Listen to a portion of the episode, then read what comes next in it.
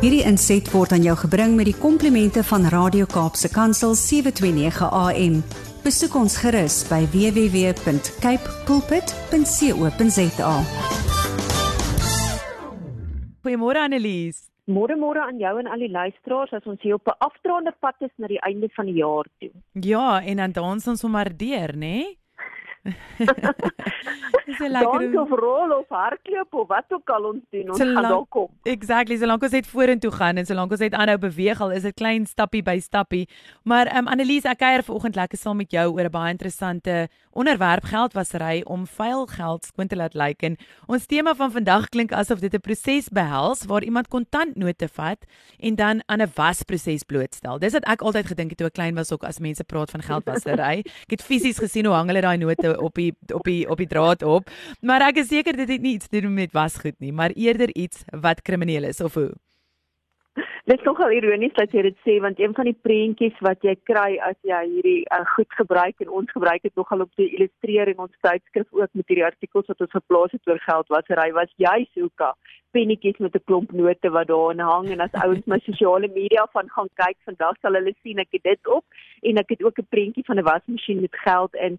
Nou jy's aan die een kant half reg met beide stellings. Nou ja, nie heeltemal om geld letterlik in 'n wasmasjien te gooi en dit skoon te maak nie, maar dit verwys na 'n ander vorm van was en skoonmaak en dan die mense sal dalk meer bekend wees met die term money laundering hmm. en dis 'n proses wat kriminele gebruik om die opbrengs of dan die geld wat hulle uit hulle onwettige aktiwiteite maak weg te steek of te vermom.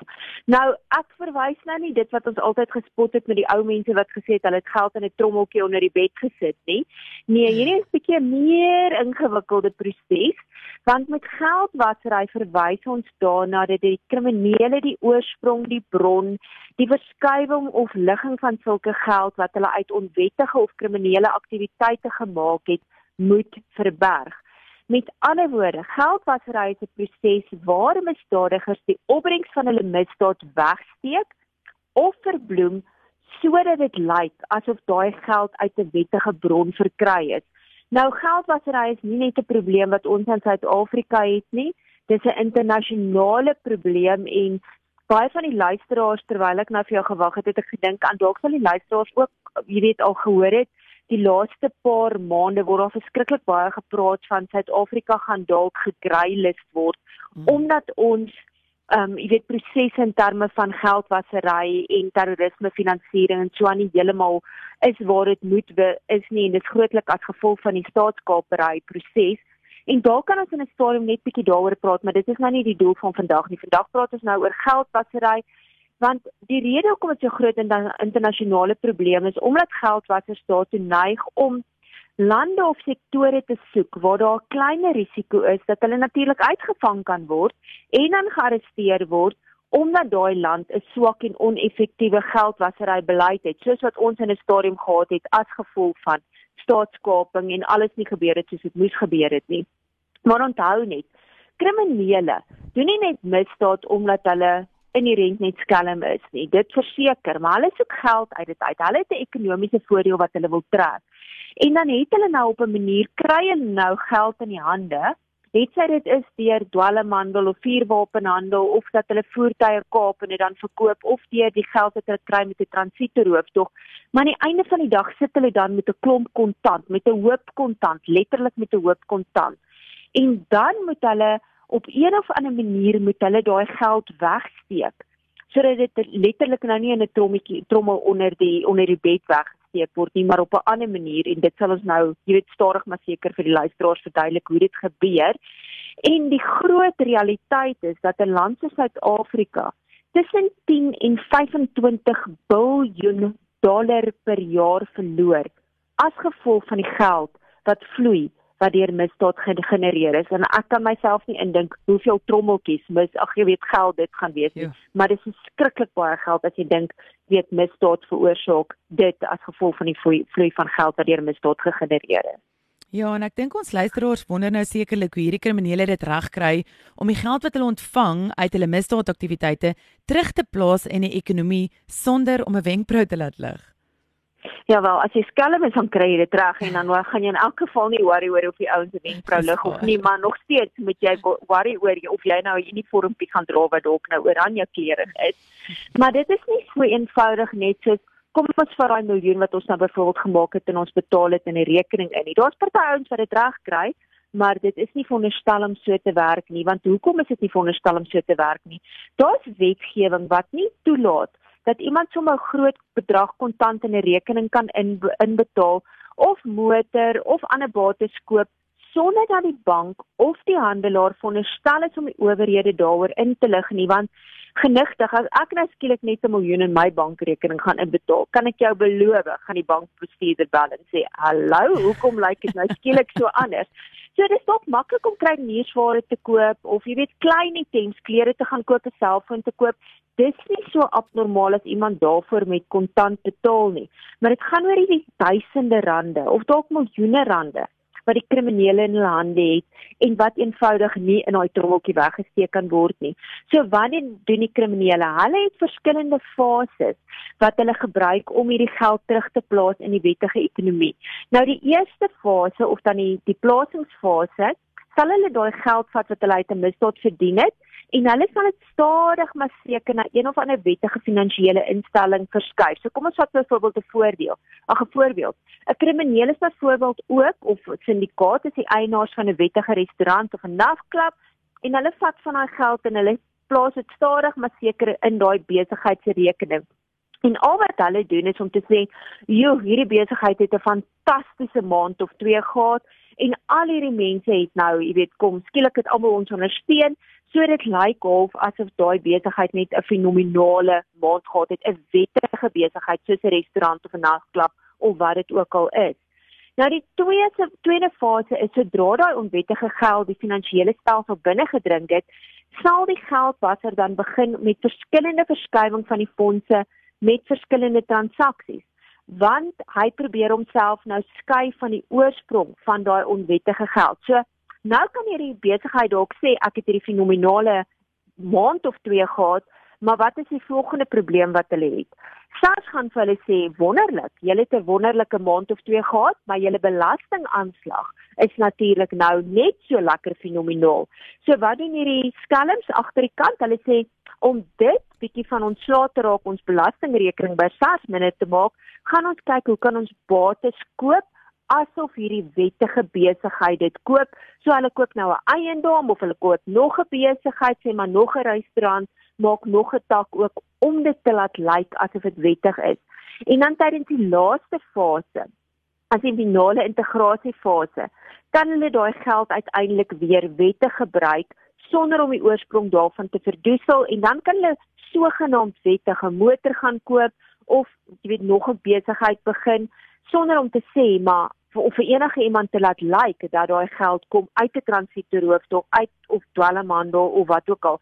Nou, jy weet, dit is nou 'n baie vinnige opsomming en DV volgende week kan ek in baie meer detail ingaan oor hoe hierdie ouens dit stap vir stap doen om daai geld wettig te laat voorkom. Annelies, jy, jy het vroeër gesê dat die wetgewing 'n belangrike rol speel om te verhoed dat kriminele nie sommer net groot bedrae kontant in bankrekeninge kan inbetaal of kontant gebruik om duur bates aan te koop sonder dat dit gerapporteer moet word soos 'n kar en 'n huis en daai goedjies. Mm. Verduidelik vir ons wat die wetgewing bepaal asseblief. Ja, ek gaan nou nie vandag in detail ingaan nie, maar daar's hoofsaaklik 4 wette wat geldwasery en die finansiering van terrorisme aktiwiteite wil voorkom. Nou die eerste een ons luisteraars sal almal van gehoor, dit ons al almal grys hare ge gegee en dit is FICA, daai ding wat jy elke nou en dan by die bank moet doen. Dis die finansiële intelligensie sentrumwet van 2001 en dit sê mos nou jy moet nou jou water en ligte rekening vat en jou ID om te verklaar jy is wie jy is sodat die bank weet jy is 'n wettige mens wat 'n rekening het. Die tweede wetgewing wat ons van praat in hierdie in hierdie situasie is die bekamping van georganiseerde misdaad wet of POCA soos wat ons in Engels daarna verwys. Die derde een is die voorkoming en bekamping van die korrupsie wet um, van 2004 ons praat dan van 'n SPREKA en dan die vierde een wat al baie min van gepraat word wat tans op hersiening voor die parlement is is die beskerming van konstitusionele demokrasie teen terrorisme en verwante aktiwiteite wet. En soos ek gesê het, ons het nie vandag detail om in elkeen van hulle te praat nie, maar Fika, daai een wat ons almal bietjie grys hare gee. Plaas sekere rapporteringsverpligtinge by besig by besighede in sekere omstandighede. So as ek die eienaar, bestuurder of selfs werknemers en dit moet werknemers ook onthou, van 'n besigheid is wat weet dat daai besigheid in die volgende paar dae dalk jy weet of hulle weet dis 'n transaksie wat hulle half 'n rilling teen die rug gee want hulle weet nie waar kom hierdie geld vandaan nie. Skielik kom daar 'n ou in by 'n besigheid en sê man, ek gaan hierdie jy weet hierdie voertuig kontant betaal en ons praat hier van jy weet 'n hele groot bedrag. Dan moet daai werknemers, daai verkoopsbeamptes, daai finansiële ouens moet die rooi ligte laat aangaan en hulle moet dit binne 15 dae aan die finansiële intelligensie sentrum rapporteer want anders kan daai werknemers of daai besigheidseienaars ook skuldig bevind word aan 'n misdaad want jy help indirek om jy weet die oorsprong van misdaad te verdoesel. Nou eerstens as jy weet daar's geld wat jy gaan ontvang vir enige transaksie wat die opbrengs van misdaad is of wat jy vermoed die opbrengs van misdaad gaan wees en tweedens as dit te doen het met die bates wat verbind kan word met die finansiering van terrorisme en verwante aktiwiteite. So jy moet dit onmiddellik aan die finansiële intelligensiedienste rapporteer. Anderste is daar ook ander transaksies wat 'n ou moet rapporteer aan die fiksentrum. Die fasilitering en oordrag van fondse wat uit onwettige aktiwiteite verkry is, die fasilitering van eiendom of bates wat met die finansiering van terrorisme geassosieer word, as iemand nalat om op te tree, as 'n transaksie klaarblyklik geen besigheid of wettige doel dien nie, of as iemand nalat om op te tree as die doel wat om te versuim om jy weet om enige belasting op haar fondse oor te betaal en as iemand die fasilitering van terrorisme aktiwiteite fasiliteer. Nou dis 'n baie ingewikkelde een waaroor ek nou nie vandag in detail gaan plaas nie, maar die lank en die kort is as jy sê nie kom 'n klomp kontant in jou besigheid in en jy kan nie die oorsprong daarvan bepaal nie of jy weet vir 'n feit hier's dalk 'n misdaad agter dit is, maak nie saak wat daai misdaad is nie. Rapporteer dit eerder aan die finansiële intelligensie sentrum en hulle kan die ondersoekwerk verder doen. Yes Annelies, hier is so ongelooflike weet waardevolle inligting en ek dink een van die een van die onderwerpe en die temas wat ek en jy bietjie volgende jaar moet aanraak is om deel te wees van so 'n company. Verstaan as jy 'n direkteur is van 'n maatskappy mm. wat als op jou neerkom en hoe belangrik dit is om daai goedjies dan nou ook um weet te rapporteer. Maar kom ek wil 'n bietjie teruggaan na na ter, terrorisme. Um ek weet terrorisme is iets waar ons baie in ons land praat nie, maar op watter manier word dit gefinansier? En dan wonder ek ook dan nou sommer terwyl ek daai vraag vra, hoe word geldwasery onder ondersoek as dit so 'n gekompliseerde proses blyk te wees?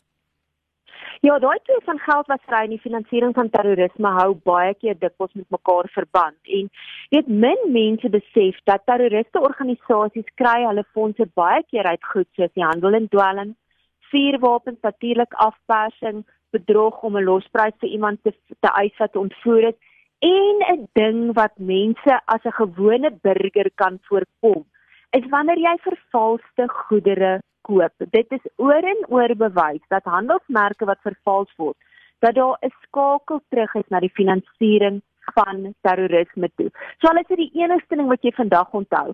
As jy spesifieke handsak begeer, maar jy kan net die vervalste een koop, moet dit asseblief nie doen nie, want daar's 'n goeie kans dat jy terrorisme in die proses gaan ondersteun en dit uh, jy weet dan op 'n manier finansier. So moet dit nie doen nie. Nou as dit kom by die ondersoek van geldwasery. Um jy weet daar's 'n groot ding wat hulle baie keer sê in die in die bedryf van follow the money. Want jy weet dis 'n manier om terug te gaan vir ondersoekers om te sê as jy die ou se wonderlike luukse lewe het, waar kry jy die geld vandaan as hy nie aan SARS betaal wat betaal moet word nie? As hy nie een of ander wettige werk het soos ek en jy wat ons in die oggend opstaan en ons het ons verskillende forme van geld nie. So ondersoekbeamptes gaan sê follow the money. En as dit kom by die ondersoek van geldwasery, is dit gewoonlik, jy weet, ook 'n ding van hierdie ondersoekers moet gaan kyk van wat is die misdaad wat aanvanklik daai fondse gegenereer het. So wat het byvoorbeeld 'n transito roofstog of 'n syndikaat wat voertuie steel, verkoop en dan, jy weet, koop en dan verkoop en dan kan hulle die hele proses doen. So ons sien hier's nou 10 ouens wat 'n voertuig gekoop het daar's geld wat hulle gekry het uit dit uit en uiteindelik moet hulle van daai geld ontslaa raak en dis 'n hele ingewikkelde netwerk en dis hoekom ouens soos die valke nie gespesialiseerde ondersoekers gewoonlik by hierdie goed betrokke is nie net 'n ou op statievlak en daardeur wil ek nie sê dat hulle nie die kapasiteit het nie maar jy praat van syndikaate wat hierby betrokke is. Nou gelukkig het ons verwys na wetgewing wat voorsiening maak dat hierdie onwettige fondse of bates bevries kan word as hierdie ouens agterkom maar jy hierdie ou het nou skielik 'n huis gekoop en jy weet dit is definitief uit misdaad aktiwiteite gedoen. En dan kan die staat as die hof dan daai proses goedkeur kan hulle uiteindelik op daai bates beslag lê hangende die kriminele ondersoek as daai ou skuldig bevind is dan kan daai staat kan daai bates vir verbeter verklaar word dit kan verkoop word. En uiteindelik is die goeie nuus dat die ouens wat skuldig was um of die slagoffers altyd hulle dit eerder so stel kan daai geld terugbetaal word aan hulle en daar's nou al klaar ek het nou 'n ding geskryf vir ons huidige uitgawe oor 'n klomp geld wat bevries is, uh bates wat op beslag gelê is en wat reeds verkoop is in wat daai bates um vir teruggegee is of die geld teruggegee is aan die slagoffers en dit het alles net te doen met staatskapings oor 'n paar biljoen wat reeds teruggegee is. So dis dan om die goeie nuus uit dit uit. Dit is 'n baie ingewikkelde proses. Ons het redelik in diepte ingegaan in een van ons uitgawes oor geldwasery, terrorisme, finansiering ensovoorts. Maar definitief soos ek vroeër genoem het, kan ons dalk volgende week net praktiese voorbeelde gee van die verskillende maniere wat kriminele gebruik om hulle geld te was. So op ouens uitnooi wat in die eiendomsbedryf is en die motorhandel is wat by kreerande betrokke is net om so drie, jy weet, groepe gaga te noem om asseblief volgende week in te skakel dat ons net bietjie vir hulle ook meer inligting kan gee oor die maniere wat kriminele gebruik om dan geld te was. Dis Annelies, vreeslik baie dankie. Ek sien uit na volgende week se kuier saam met jou.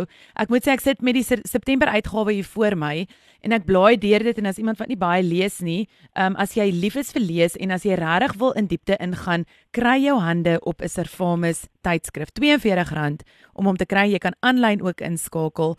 Um Annelies, vertel net so 'n bietjie waar kan die mense julle kry? R28. Sorry, R28.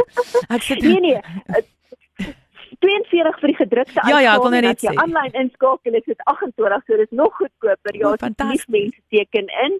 Dis op www.servamus.co.za of stuur 'n mak 'n e-pos aan my maklike e-pos. Dis editor@servamus.co.za. Gaan kyk op ons sosiale media op Facebook, op Twitter, op Instagram. Daar's oral 'n link na ons toe. En dan as ek mag sê, vir swart vrydag het ons nog 'n paar rand se besparing wat jy ook kan doen. So asseblief kontak ons dan kan ons jou dalk nog 'n paar rand spaar en jy kan 'n gratis uitgawe of twee kry.